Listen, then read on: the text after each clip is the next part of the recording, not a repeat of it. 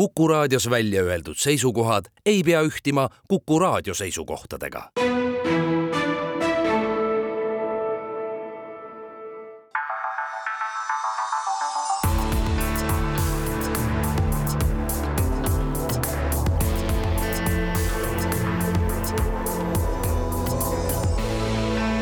olukorrast ajakirjanduses tere pärastlõunat Kuku raadio stuudios Vanamehed viinavabriku kõrvalt. Rein Lang, Väino Koorberg, meil on väljas kahekümne seitsmes november, esmaspäev, räägime möödunud nädalast, möödunud nädalatest ajakirjanduses ja, ja sugugi ei pühenda ennast sellesse, et täna viiskümmend kolm aastat sai Tallinn lõpuks Lenini ordeni, et nii et me ei hakka rääkima sellest, et kas Tallinna linnahalli maha kiskuda või, või mitte, aga küll aga me püüame täna rääkida natukene Raadio kahest ja sellest õhtusest vööndist ja ja, ja kultuuri getustum-, getostumisest või mitte getostumisest ja üldisest turundusvõtetest äh, avalik-õiguslikus ringhäälingus. püüame natukene rääkida äh, ma ei tea, millest, porno ärakeelamisest nii avalikus ruumis kui üleüldse, eks ju, ja sellest eh, suurepärasest ettepanekust, et me võiksime edaspidi pornosaitidele sisenedes ennast ID-kaardiga identifitseerida, Rein, et edaspidi, kui sa lähed siis Pornhubi, et siis eh, saab lükkad kaardi sisse ja näed edaspidi selle, seda kauaoodatud loomapornot edasi, nagu mõned meie rahvasaadikud üritavad näha ja püüame rääkida. ja see teave ilmub kohe Eesti EE portaalis. jah, et, et riigiportaalis on kindlasti olemas ka andmebaas, eks ju, ka üldistest eelistustest selle asja suhtes ja natukene rääkida üleüldisest ärakeelamise kultuurist ja loomulikult ei saa me mööda minna mõjukate edetabelist, et vaatame, kuhu see saade meid viib süljenäärmetest ka ikka vast? süljenäärmetest ma oleme raadiokuulajale lubanud, et saate lõpus tuleb üleüldine narkotest Kuku raadio stuudios, olge selleks siis valmis. aga nädalavahetus tõi meile ikkagi hästi palju avalikke väljaütlemisi avalik-õigusliku ringhäälingu, selle kommertsliku raadiokanali Raadio kaks ja selle kommertsliku raadiokanali Raadio kaks õhtuse vööndi teemal ja minu üldine mulje jäi see, sellest, et taevas kukkus alla ja kultuuril pole edaspidi võimet edasi elada või sain ma millestki valesti aru? oo oh jaa, ei ahistatakse. Vene keeles ei, see, mina võin muidugi tund aega rääkida sellest. ei no ma, ma, ma püüan, ma püüan sul selle aeg-ajalt vahele lõigata, sest ma tean, et ma lükkan su praegu sinu lemmik äh, rööbastele no kui see õhtune vöönd tekkis, sellest on nüüd üle kümne aasta tagasi ja seda hakkas juhtima äh, härra Saaremets, siis iseenesest ju sel ajal pool põrandaalused subkultuurid olid sellest ideest ju vaimustuses, eks ole, ja on ka täna. no isegi ma, ma pean isegi ütlema, et mina ei ole põrandaalune subkultuur, et mind ei saa selles süüdistada et eh, ma ei taha küll nüüd öelda, et, et, et Anne Veski ja Vello Orumets oleksid mulle lähemal kui mis tahes nagu õhtuse vööndi esinejad, eks.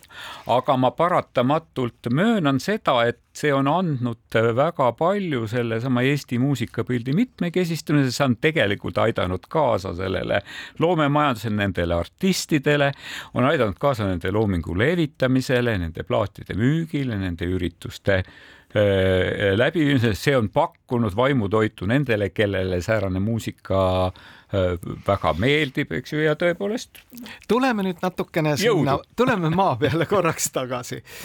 Ja maa peale tagasi sellest, et mis on ikkagi selle avalik-õigusliku ringhäälingu eesmärk, tähendus, vajadus, kasutame ükskõik millist terminit siin see on seaduses ilusasti kirjas, see peab tegelikult äh, toetama Eesti kultuuri ja muutma ka maailmakultuuri parimad saavutused Eesti inimestele kättesaadavaks. nüüd mõlemal juhul see õhtune vöönd umbes kümme aastat tagasi oma ülesandeid täitis ja miks? sellepärast, et need väikesed nišikultuurid, muusikakultuurid, mis ma, mina ei kasutaks siin terminit noortemuusika sugugi mm, -hmm. sellepärast et seda ju kuulasid ja, ja ka lõid väga paljuski vanamehed, eks ole, meie sarnased tüübid. aga nad suutsid nagu ära tabada ka selle, mis oli kuueteistkümne kuni kahekümne viie aastaste inimeste meeltel nende soovid. ja see kultuur, need segmendid ei omanud mitte mingit turundusvõimet, eneseturundusvõimet ja kui Eesti Rahvusringhääling ei oleks neile appi tulnud, siis oleks nad sinna oma tahtmistesse väga suure tõenäosusega ära surnud. nüüd Eesti Rahvusringhääling tuli appi, hea, et tuli. Need, nad said jalad alla Tallinnas on see nii-öelda öine baariskeene väga mitmekesine, vaata et hakkab lähenema juba Berliinile. öölinnapea on väga rahul. öölinnapea on rahul, ööbuss pandi käima, eks ole. Et ERR on oma töö selles mõttes teinud ja mis on juhtunud tegelikult, et see seltskond, kes siis koondus sinna R2 ja, ja, ja Saaremetsa ümber, see on jäänud ju paljuski samaks. ehk siis üle kümne aasta needsamad vanamehed, eks ole, teevad oma saateid ja nad tabasid ära ka selle võimaluse ehk nad hakkasid seal promoma oma pidusid, oma esinemisi, nendega seotud paare, mis on tavaliselt niisugused pisikesed joogikohad, eks ole, kelle enda turundusvõime on nullilähedane.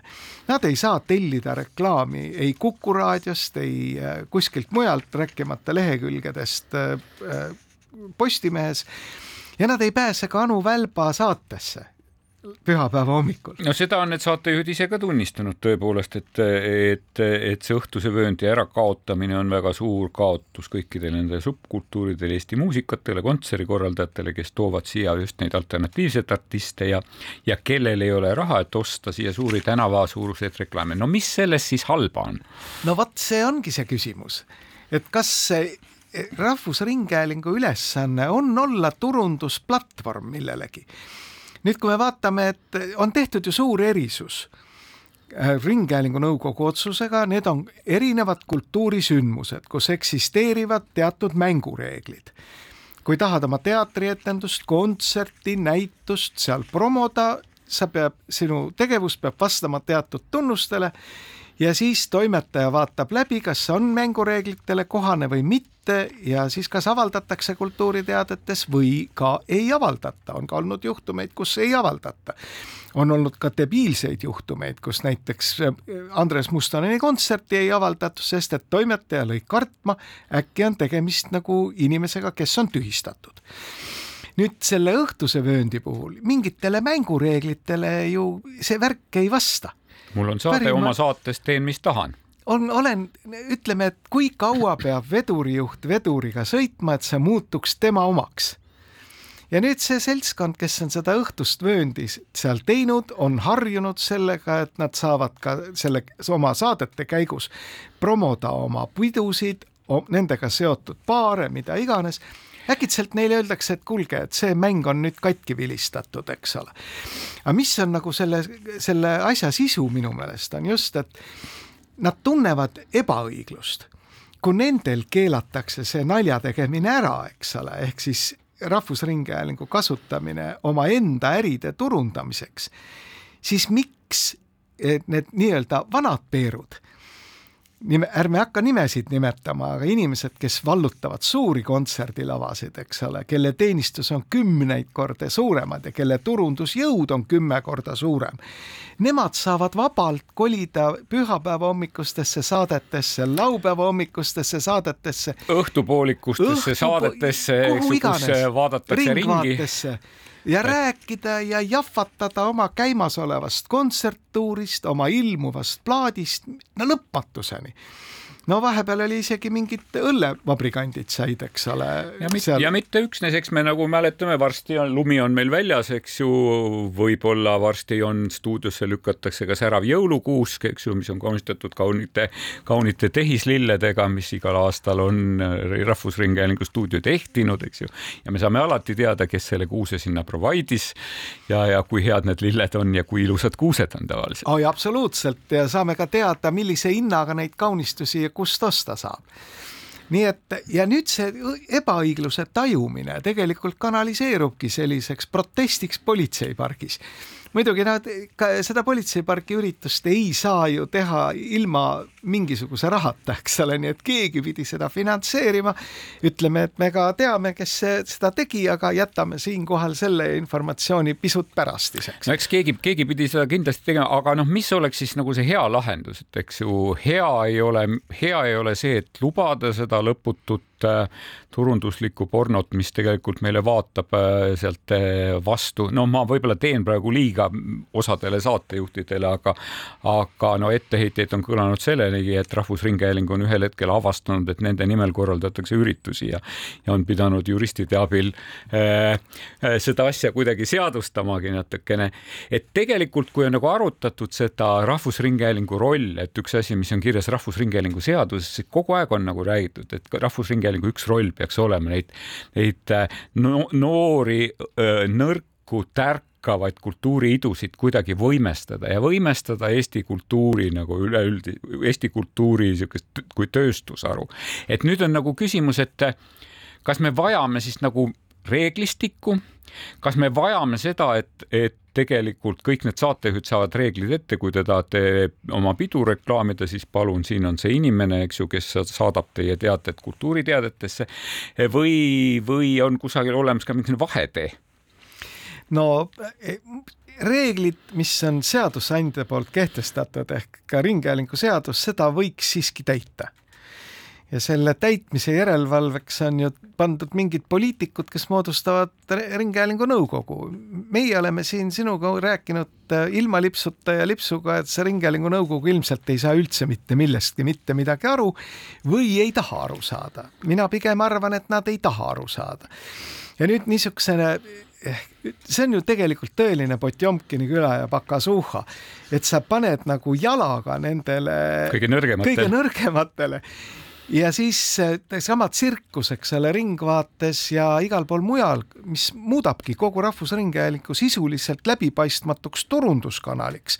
see saab vabalt väga efektiivseks turunduskanaliks, me peame seda tunnistama, seda on tunnistanud ka tegelikult äh, äh, kohalikud meelelahutustoimetuste juhid ja, ja, ja kõik need muud juhid et.... ja see pole kellelegi saladus, et ainuüksi Ringvaates näiteks ühe või teise kontserdi otsene reklaam, see kajastub piletilevi piletimüügis koheselt hüppena.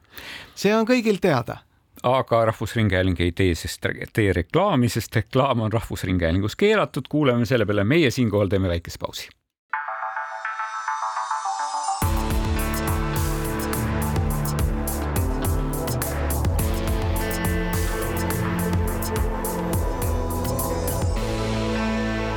Olukorrast ajakirjanduses.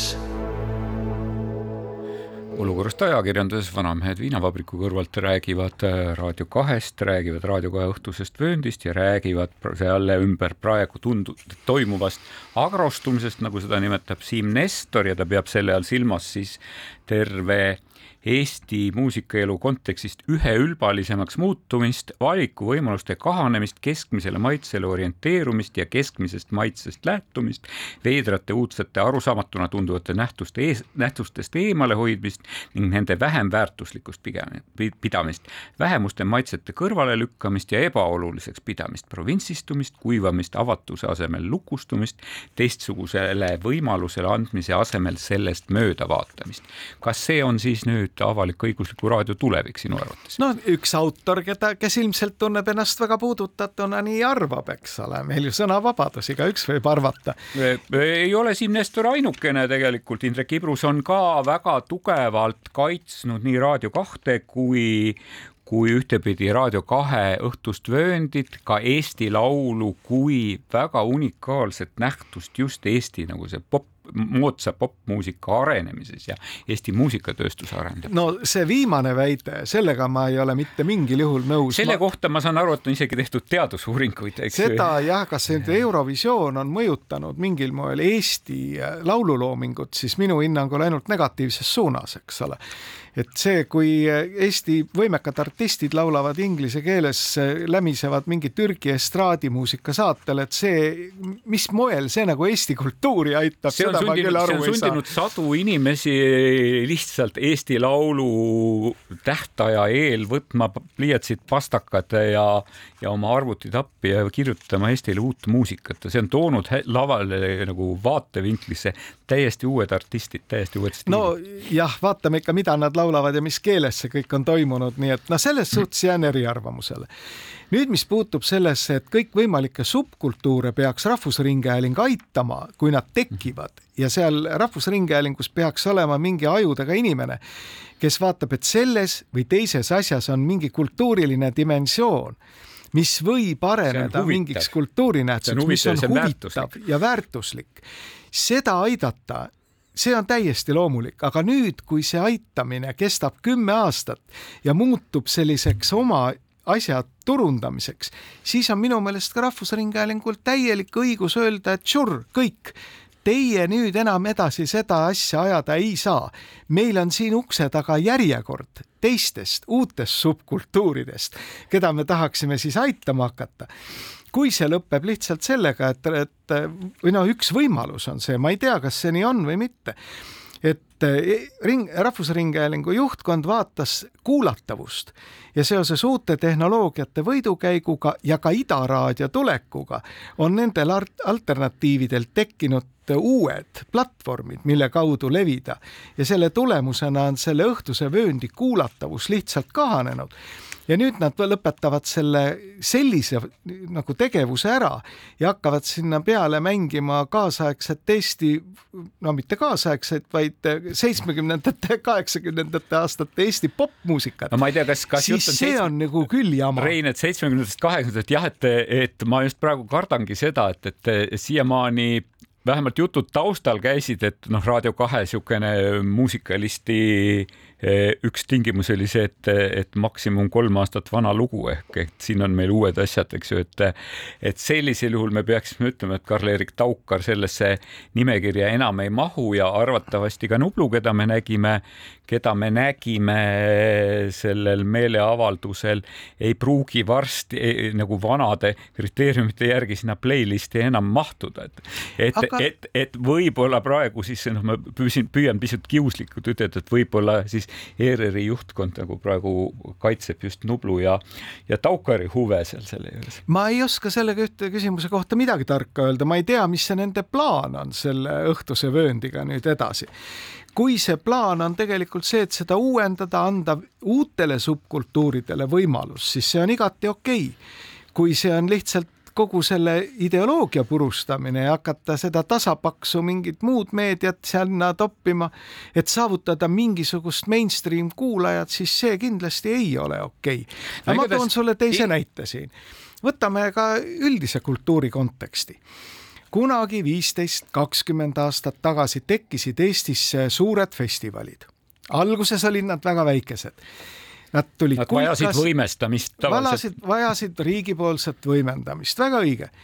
nii Kultuurkapital, hiljem ka riik tuli neile appi, on sündinud suured asjad, Jatskaar, Viljandi folk, PÖFF.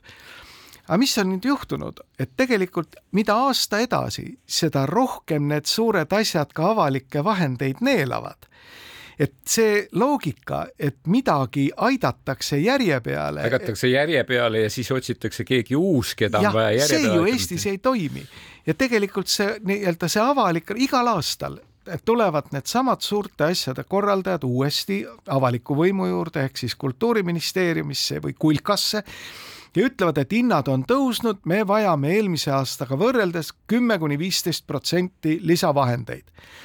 Ja no kuidas sa ütled ära, vajalik asi, väga tore asi, filmifestival Tallinnas. Ja selle tulemusena nendele uutele tegijatele ei jagu nagu mitte midagi mis oleks see, lahendus? asja nimi on stagnatsioon, eks ole. mis oleks lahendus, see võib ju juhtuda tõepoolest, et meile tundub, et ma olen väga alternatiivne ja, ja väga uuenduslik, aga ma ise ei märkagi seda, et minust on saanud ammu mainstream, minust on ammu saanud vana peer. no võib-olla selle Raadio kahe puhul ongi see, et mängureegleid ei, kunagi pole kehtestatud, nad on isevoolu teed läinud, läinud ja läinud, on tekkinud selline tore sõpruskond, omaette sõpruskond, community inglisekeelse terminiga, kes kasutab ära riigi poolt neile antud platvormi, et siis teha reklaami oma üritustele, saada sealt raha, elatuda sellest, eks ole. aga no küsimus on siis nii, et, et kui see muusikasektoris toimub, kas see peaks ka näiteks muude tantsusaalide puhul niimoodi toimima? kust lähevad see, need piirid? Ja nüüd, kui näiteks seesama kuulus Ringvaade on võtnud endale südameasjaks ka toidukultuuri promomise ja teatud ettevõtete promomise, kas see on siis nagu okei okay?, tundub, et Ringhäälingu nõukogu arvates on see absoluutselt okei. Okay.. me peaksime võtma endale mure restoranide pärast jah, aga mina tahaks teada, kuidas ma saan sinna turundama siis, millised, keda ma pean tundma, kas see tundmisest üksi piisab? Või ma pean tegema kellelegi mingeid siivutuid ettepanekuid? Või on kuskil mingi firma, kuhu tuleb mingisugune heameel viia, et noh, et kui ma toodan moosi, siis ma viin viis purki moosi ja ühe, ühte näidatakse, eks ole. Ega tundub nagu sa, nagu sa kirjeldaksid praegu ühte Raadio kahe keskpäevast saadet, ütleme niimoodi nojah, ega see kõik on nagu selles mõttes mage, et ma väga toetan tegelikult seda ideed, et noh, see õhtune vöönd, ma ei ole selle mingisugune andnud, ardunud kuulaja, eks ole, olen teda teinekord kuulanud. et seal tekitada mingisugune noh, võbelus et seda uuendada, see on igati õige ja see, et, et lüüa sealt Eesti raadiost see turundusloogika minema, on ka igati õige. aga kui see on silmakirjalik ehk siis, et mis on lubatud Jupiterile, ei ole lubatud härjale, siis see on häbematu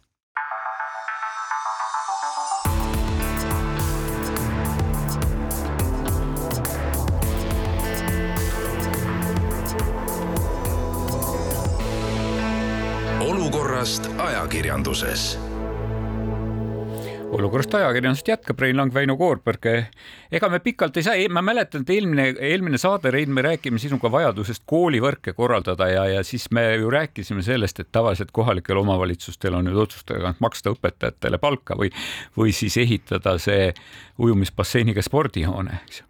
selgus, et ainult spordihoonete peale nagu prioriteet pole pandud, et seesama Lääneranna vald, vald kes eh, Metsküla kooli mitte kuidagi pidada ei taha, et, eh, et see lisaks eh, ehitas siis ka Lühtriga, Lühtriga bussipeatuse, eks ju, ja maksis selle eest päris mitukümmend tuhat eurot. aga, aga ärme lähe siin libedale, et minu meelest ühe omavalitsuse võimekus maksta metsas asuva kooli õpetajatele palka sellises vormis, et sinna tõesti õpetajaid tuleks neid lapsi koolitama ja see bussipeatus, no need ei ole nüüd omavahel väga otseselt seotud. eks nad nagu lähevad paratamatult kujundina liikvele. Nad kujund... lähevad kujundina liikvele. aga jah. kujundina, kujundina läheb liik-, lähevad liikvele ka päris mitmed väljaütlemised, mis on möödunud nädalates, nädalate jooksul tulnud ja mis on mind jäänud häirima ja ma arvan, veel päris mitut inimest jäänud häirima. et ühtepidi ma olen päris mitu korda pidanud mõtlema, et, et kas see meeleheitlik katse saada oma mingisuguse mõttevälgatusega avalikkuse ette mõte on nii, nii, no tõesti nii meeleheitlik, et see hakkab mulle meenutama Venemaa Riigiduumat, et kus nagu reaalset võimu pole sulle kätte antud ja siis sa tegeled igasuguste lollustega, vaesuse eh, demonstreerimise ärakeelamisega ja, ja, ja ma ei tea, millega iganes, et eks ju, et siin oli kaks lugu, et eh, Tartu linnapea Urmas Klaas, kes alustas väga puritaanlikku võitlust härrasmeeste klubisid reklaamivate autode vastu ja teine oli, teine oli EKRE, kes äh, muretseb, et liiga suur hulk pornograafilist materjali on veebilehtede kaudu alaealistele kättesaadavad ja ja nad on teinud siis, äh, e-, esitanud eelnõu, tehes ettepaneku, et Eestis võiks siis äh, pornolehekülgedel sisenedes olla ID-kaardi, mobiil-ID või Smart-ID-ga autentimise nõue ehk et iga kord, kui me Reinuga läheme meile meeldivat, sobivat, sobivat loomapornot vaatama, eks, et me ID-kaardiga ennast registreerime ja ja, ja, ja tänu sellele siis nagu oluliselt väheneb, ma ei tea, kas suureneb ühiskonna turvatunne arvatavasti ja ja, ja väheneb kõikvõimalike väärastumiste levik, eks ju, seksuaalsuhete tähenduse kohta ja ja, ja ala, naiste suhtes alandavate stereotüüpide levik, et mida sellest kõigest arvata, kas see on nagu ainult nüüd nagu poliitikute nagu meeleheitlik katse püünele trügida? no aga vaatame ikkagi ka teisi teemasid, millega püünele tahetakse tulla. Ja praegu hakkab muutuma jä jälle taas aktuaalseks võitlus alkoholismiga ja nüüd tuletame meelde, kuidas moodi kümme aastat tagasi räägiti vajadusest otsustavalt piirata alkoholi kättesaadavust see tähendab kellaajalist kättesaadavust. ma mäletan seda, seda juhust kuidagi aastast tuhat üheksasada kaheksakümmend viis. no seda on olnud mitt paari lainena, eks ole, aga. Mihhail Gorbatšovi aeg. Gorbatšovi aeg oli kõige toredam ja siis need perioodiliselt tulevad tohutud kampaaniad, eks ole, et noh, et lähendust nähakse piirangutes, küll reklaamipiirangutes, kättesaadavuspiirangutes, kuskil ei tohi näidata, et selline asi olemas on nagu alkohol. ja siis natuke aega läheb mööda jälle ilmub kellegi poliitiline suur tahe, kes siis väidab, et olemasolevad meetmed ei ole ennast kohe mitte üks rahas õigustanud ja tuleb hakata uusi piiranguid tegema. Ja nüüd see, et Tartus on muutunud teemaks number üks, üks meesteklubi, mis siis reklaamib ennast sõiduautode peale maalitud logodega. Need sõiduautod on kusagil linnapiiri ja, ja kesklinna tavaliselt nagu väga nähtavatele kohtadele pargitud. aga ütleme, et see, et see on nagu teema number üks, see oli minule täielik üllatus nagu ka väga paljudele teistele minulegi, et, et ma olen tõepoolest neid autosid märganud, eks ju, aga isegi mäletan viimati, kui ma reedel Tartus käisin, et, et, tollel hetkel äsja sadanud lumi ja, ja kommunaalameti nagu suhteline oskamatus selle lume koristamisel eh, tundus mulle suurema probleemina aga mis nüüd on siis selle nii-öelda meediasse ja ka nüüd juba ajakirjandusse pääsemise taust? et ei tahaks mõelda küll küüniliselt, aga ajakirjanduse roll on ju tõepoolest see, et kui keegi ütleb, et see kõik on väga vale, eks ole, et need autod seal seisavad, et nad häirivad meie tärkava noorsoo kasvatamist Eesti vaimus siis sa annad ka võimaluse teisele poolele oma seisukoha väljaütlemiseks. ajakirjandus käitub sellisel juhul ju täiesti eetiliselt, mida ta ka tegi.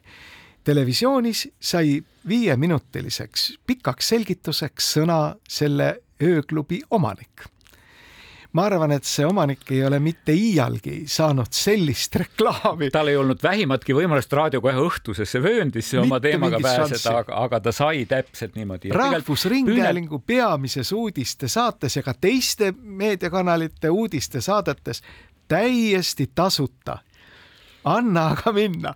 aga püünele sai ka Tartu linnapea ja arvatavasti väga mitmetele valijatele see tema seisukoht meeldis.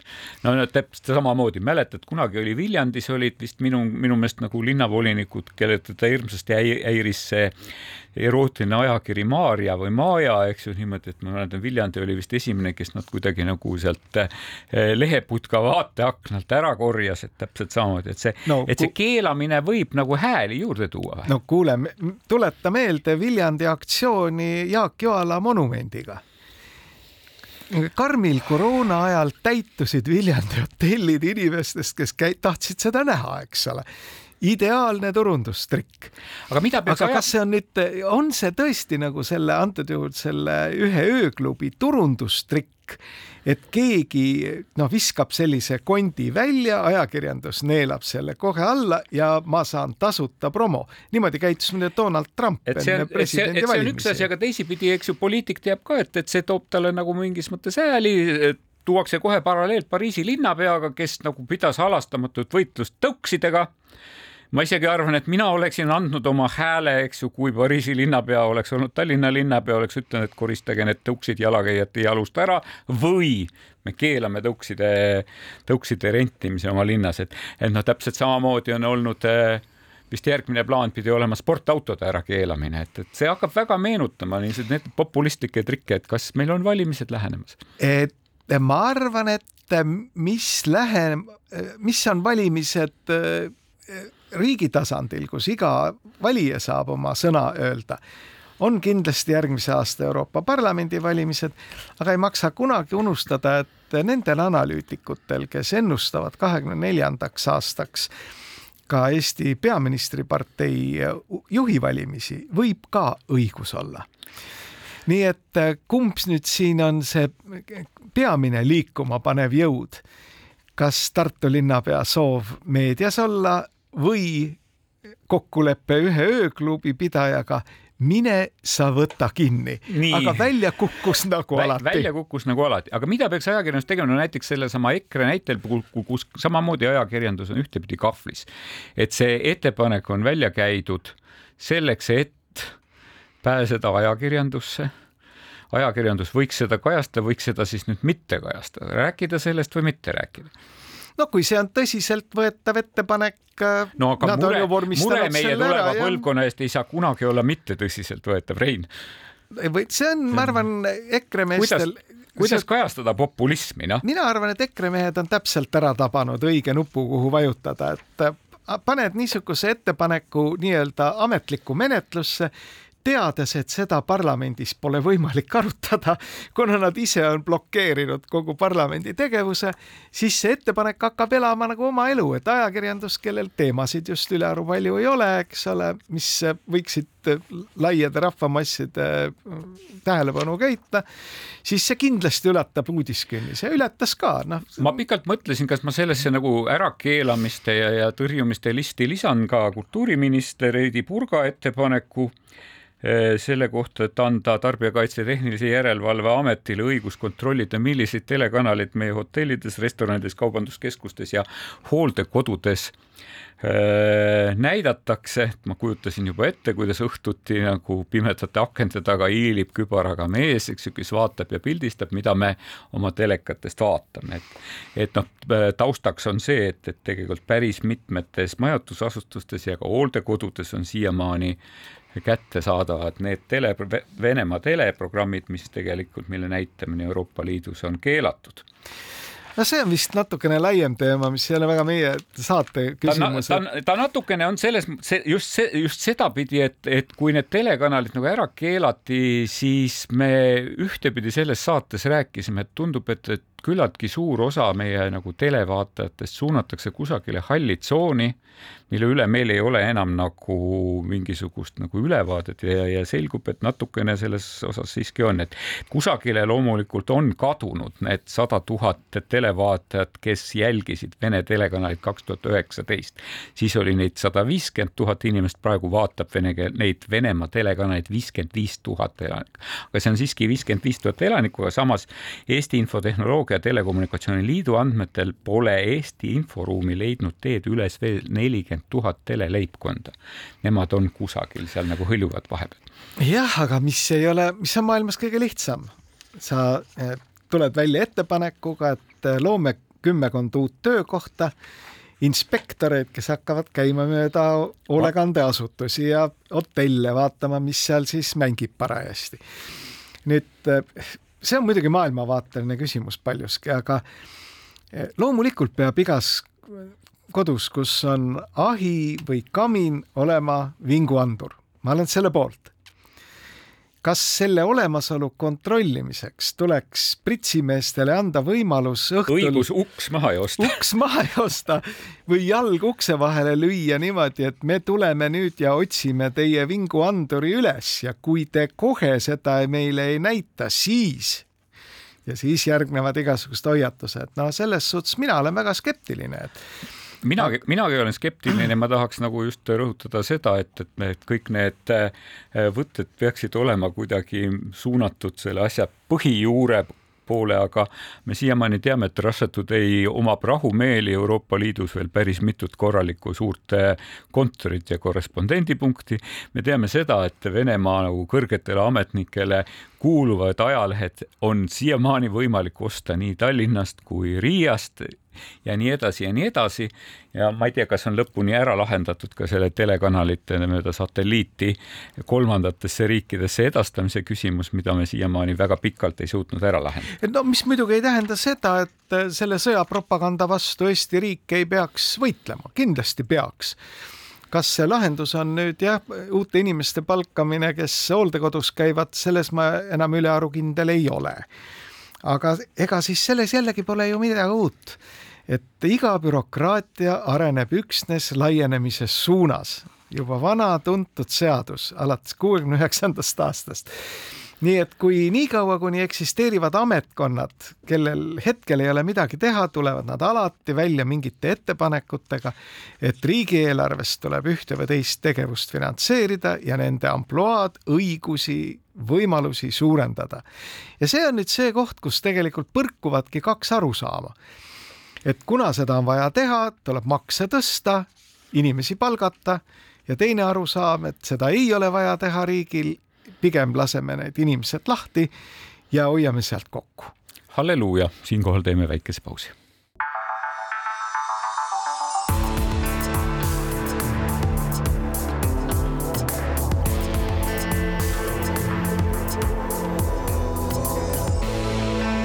olukorrast ajakirjanduses Rein Lang ja Väino Koorberg oma viimases veerandis, millest muust me saame rääkida, kui Eesti Päevalehe Delfi mõjukate projektist ja mõjukate edetabelist, et oleme seda päris mitmel aastal, ma ei tea, narrinud pisut, et alati tänu sellele, kui üks tütarlaps, kes on saanud maha ühe raamatuga, on olnud kolm korda, tema oli kolmekümne kolmandal kohal ja kui ta on olnud kolm korda mõjukam kui Arvo Pärt üheksakümne kaheksandal kohal. mida sa sellest siis arvad, head? Eh, ajakirjandusteoreetik Väino, millest tuleb eh, sõna pulvariajakirjandus? ei, ma kindlasti ei tea seda minu eh, lünklikud teadmised ajakirjandusteooriast ütlevad, et see termin tuli tegelikult Prantsusmaalt, kus siis pulvarikohvikutes istusid inimesed, kes jõid kohvi ja sinna juurde kalvatossi.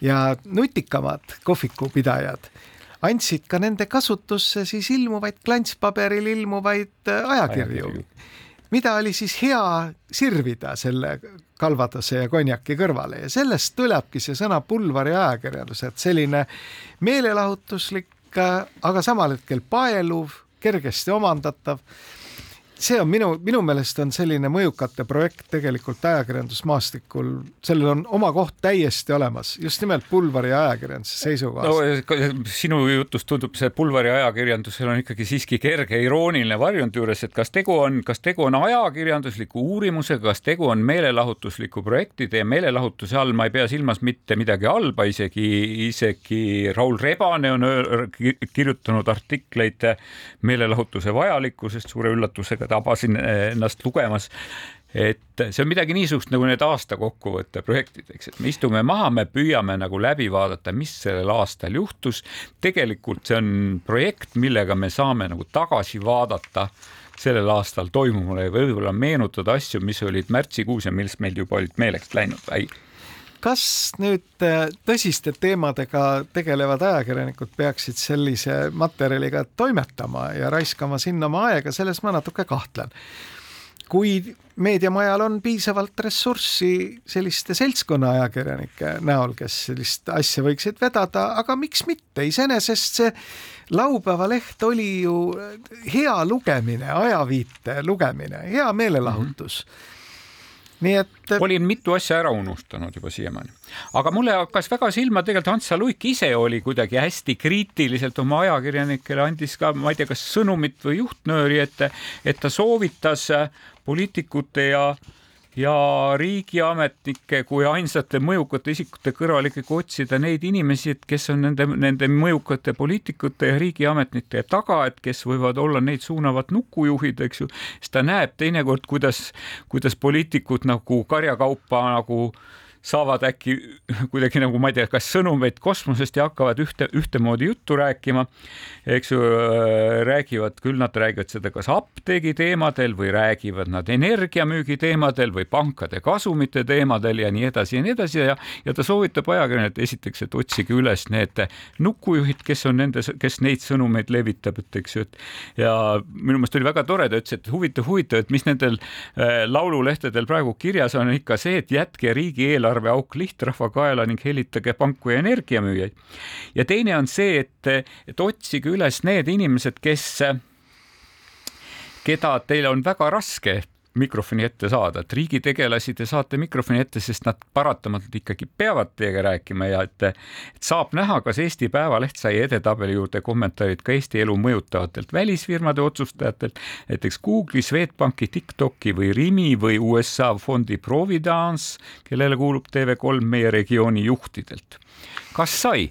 aga Hansul on täiesti õigus et kõige kurvem ongi see, kui nüüd seda mõjukate projekti hakatakse serveerima mingi nagu tõe otsimisena, et ja inimesed hakkavad siiralt uskuma, et see edetabel tegelikult kajastab. et Kaja, et Kaja Kallas ärkabki hommikul üles ülimalt suure uhkustundega, et tema on Eesti kõige mõjukam isik. jah, või siis, et kui sul on mingi enda arvates tähtis asi ajada, siis otsi üles seal nimekirjas mingi tegelane ja tema suudab protsesse mõjutada ja see kindlasti ei ole nii ja see üleskutse, et tegelikult ajakirjade ja ajalehtede toimetused võiksid oluliselt rohkem pühenduda ka sellele, et vaadata, kes on need tegelikud niiditõmbajad, tegelikult väga mõjukad inimesed.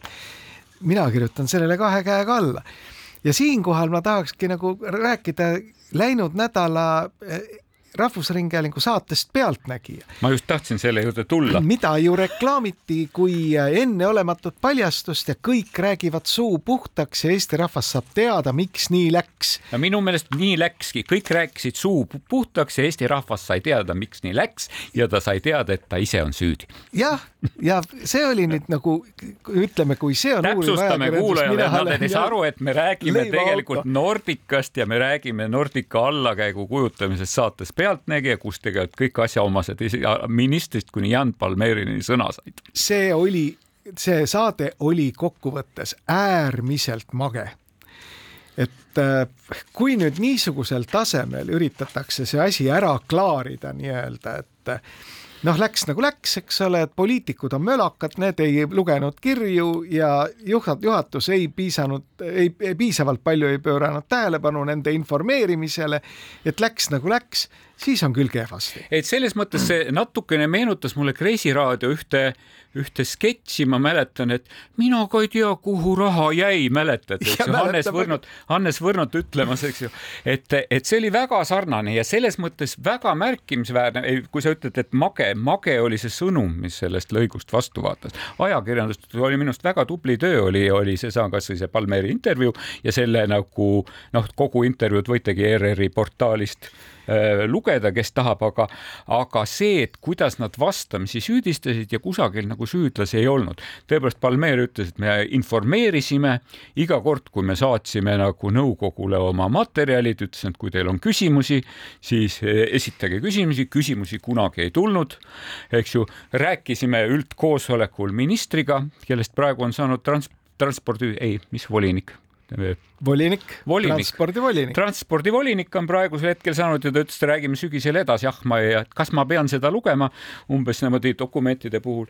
Ja teisipidi tõepoolest kuulsime, kuulsime siis nagu nõukogu poolt äh, seda, et, et meid ei informeeritud piisavalt, et mida mina kodanikuna pean siis arvama, ma jätkuvalt küsin, kuhu jäi sada miljonit oh jaa, see noh, sada, see on nüüd natuke jällegi spekulatiivne, see sada miljonit, eks ole, et äh, oleks tahtnud ka muidugi teada seda, mis on ikka tegelikult äh, see võimalik kahju sellest värgist.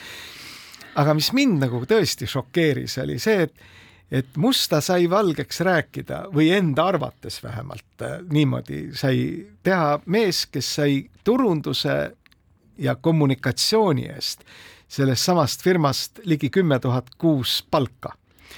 nüüd turundada ei olnud midagi, sest teenust ju ei olnud, eks ole. ja kommunikatsioon tähendab vist seda, et sa pead oma positsioonid, mida nad väitsid, et nad on kogu aeg nii nõukogule kui ka omanikule edastanud, kuidagimoodi teadvustama. et eh, kuidas selle kommunikatsiooniga siis nagu on ja no igatahes on väga palju küsimärke, me loodame, et Pealtnägija vaatab sedasi, me loodame, et teised ajakirjanikud pööravad sellele jätkuvalt tähelepanu ja, ja otsapidi on see seotud teemaga, millest me nagu põgusalt mööda minnes jõuame ära mainida, tegelikult ei jõudnud ju palju rääkida avaliku teabe seaduse muutmise ettepanekutest, millest tegelikult möödunud nädala ajakirjandus ainult, ainult kõmiseski. justiitsministeerium oli teinud andmekorje või ettepanekute korjet, mida te tahaksite teha, et meie avalik võim oleks veel läbipaistvam ja selle peale kõik riigiametnikud nagu eh, koorist tulid välja ettepanekutega, kuidas kõik tuleks ära keelustada, salastada ja kinni katta. Eh, see ju meenutanud mulle üldse Ivar Tallo avaliku teabe seaduse nagu mõtet aastast kaks tuhat üks või midagi niisugust. ja selle valgel tõepoolest tuleks ära salastada kindlasti ka see, et riik eraldab Eesti Raudtee miinuse katteks kakskümmend viis miljonit eurot, vot sinna võiks ka natukene sisse vaadata ja, ja tegelikult, et eh, Veiko Spolitis kirjutab Postimehes seda, et Rail Baltic on Lätis suure kriitika all sest üha selgemaks saab, et sellise raudtee väljaehitamine võib käia ka kolmele riigile koos Euroopa abirahadega üle jõu ja et selle maksumus on tõusnud juba kuuelt miljardilt üheksale, et siin meil elanikud alles kohtuvad trassi arutades küll Pärnumaal, kus igatahes. ja Toomas Peterson, tema vist oli minu meelest ka e e e Estonian Airi juht kunagi, lennuameti juht, eks ju. tema soovitab väga teraselt vaadata, kellele Nordicat müüa tahetakse, sest tema ütleb, et ostusoovijate kõrvad pidada juba paistma. no võtame kasvõi selle Pealtnägija saate, et sealt libiseti ühest olulisest teemast üle viie sekundiga ja see oli see kuulsusrikas Marabuu seiklus et meenutame ikkagi, et Nordica tegi suure pressiürituse, rääkides, et ta hakkab vedama turiste kaubamärgi Marabou all. nii et, aga sellele ei pööra mitte keegi mitte mingisugust tähelepanu, et mis seal siis nagu juhtus, kuidas oli kokku lepitud. nii et mina arvan, et Petersonile on antud juhul täiesti õigus millega see värk kõik lõpeb, võib-olla lõpebki mitte millegiga ehk konstateeritakse fakti, et Balutši läks kaks ja gda. nii läks ju ka Estonian Airiga, et tänaseni on ebaselge, kuhu kadus kaheksa miljonit eurot piletiraha. et see Aadria müüs pileteid, Aadria läks pankrotti, kaheksa miljonit eurot jäi kuskile, kuhu täpselt, keegi ei tea. aga mis seal ikka tundub, et meie saade hakkab otsa saama tõmbame otsad koomale, võib-olla järgmine kord jõuame rääkida siis natukene sellest avaliku teabe muutmise ettepanekutestki midagi, aga kellele saata oma tervituslaul? me mõtlesime, et saadaks tervituslaulu siis kõigile Raadio kahe töötajatele nii õhtusest kui hommikusest kui keskpäevasest vööndist ja tervitaks samamoodi ka ERR-i juhtkonda, kes on samamoodi praegu kinnitanud, et, et, et Raadio kahe õhtuse eh, õhtuse tsükli muutmine ei ole sugugi mitte äriline otsus, lihtsalt elu on nii. Viimne Ratsu.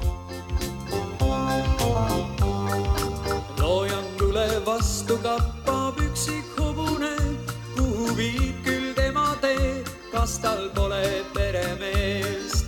kiirest jooksust sasitud on uhke ratsulapp, tolmune on silenahk, kauneis silmis valub vahk. Miks nii on? sind ei vaja keegi enam nüüd ja kas on kõiges selles sinul üldse süü, et meil kõik masinate abil tehtud saab, aga sind inimene varsti unustab.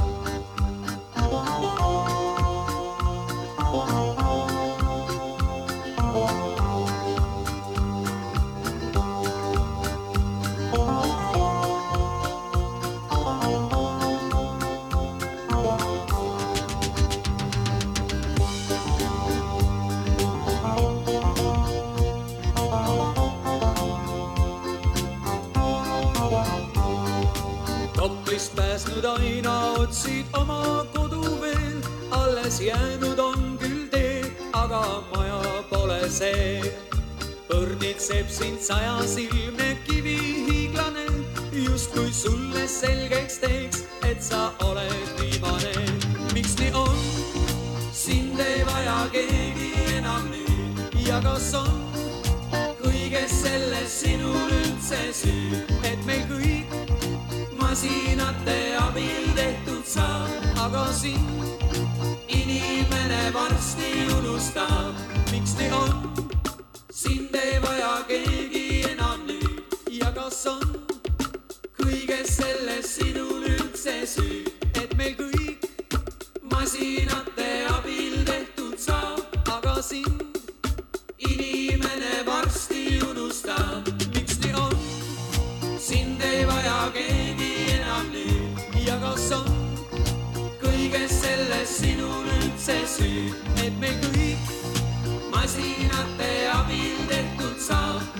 sind inimene varsti unustab.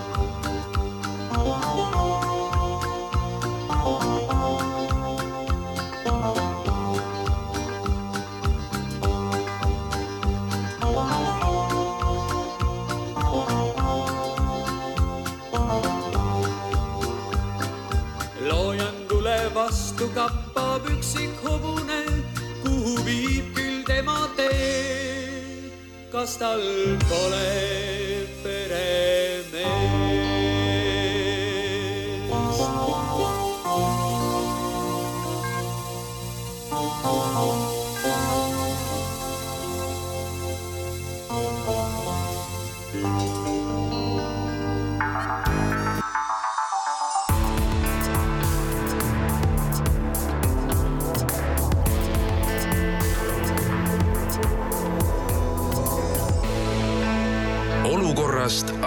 Ajakirjanduses